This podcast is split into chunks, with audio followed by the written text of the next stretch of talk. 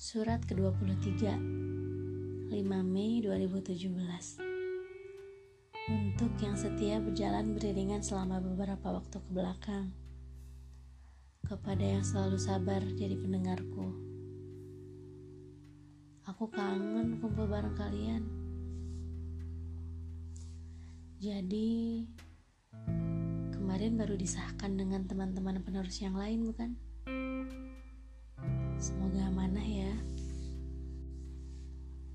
Sedikit bercerita.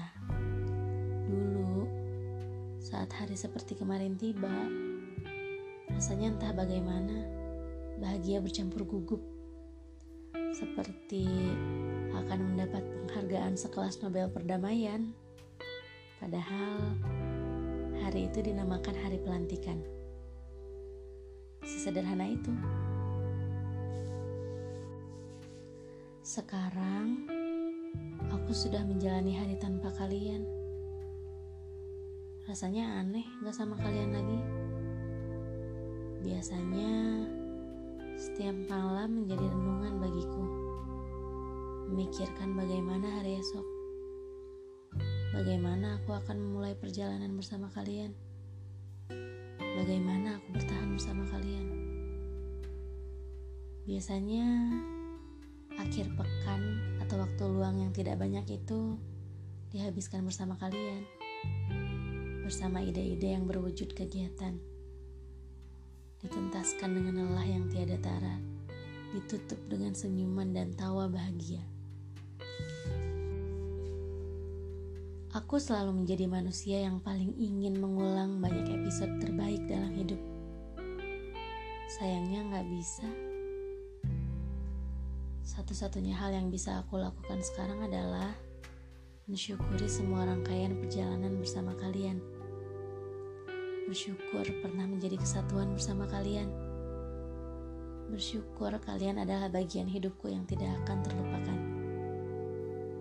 Bersyukur bersama kalian, aku menjadi manusia yang penuh pengalaman.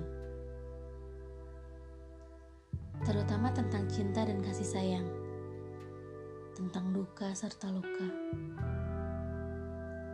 Ketika salah satu dari kita dalam kesulitan, selalu ada yang dengan sabar mengingatkan. Ketika salah satu dari kita dikaruniai bahagia, selalu ada pelukan hangat penuh cinta. Mungkin ini sudah kedaluarsa, tapi Tolong ingat bahwa kita pernah berada dalam satu rumah yang sama dalam waktu yang lama. Kalian lebih dari sekadar rekan mengabdi, tapi juga keluarga. Di mana ketika menemui kalian, aku selalu sedang merasa pulang ke rumah. Selamat melanjutkan perjalanan. Suatu hari, ketika merasa ingin menyerah, tolong diingat bahwa amanah tidak akan memilih pundak yang salah. Terima kasih karena sudah pernah bertahan, bahkan masih sanggup bertahan sampai hari ini. Wahai jiwa-jiwa yang kuat, aku mencintaimu tanpa syarat.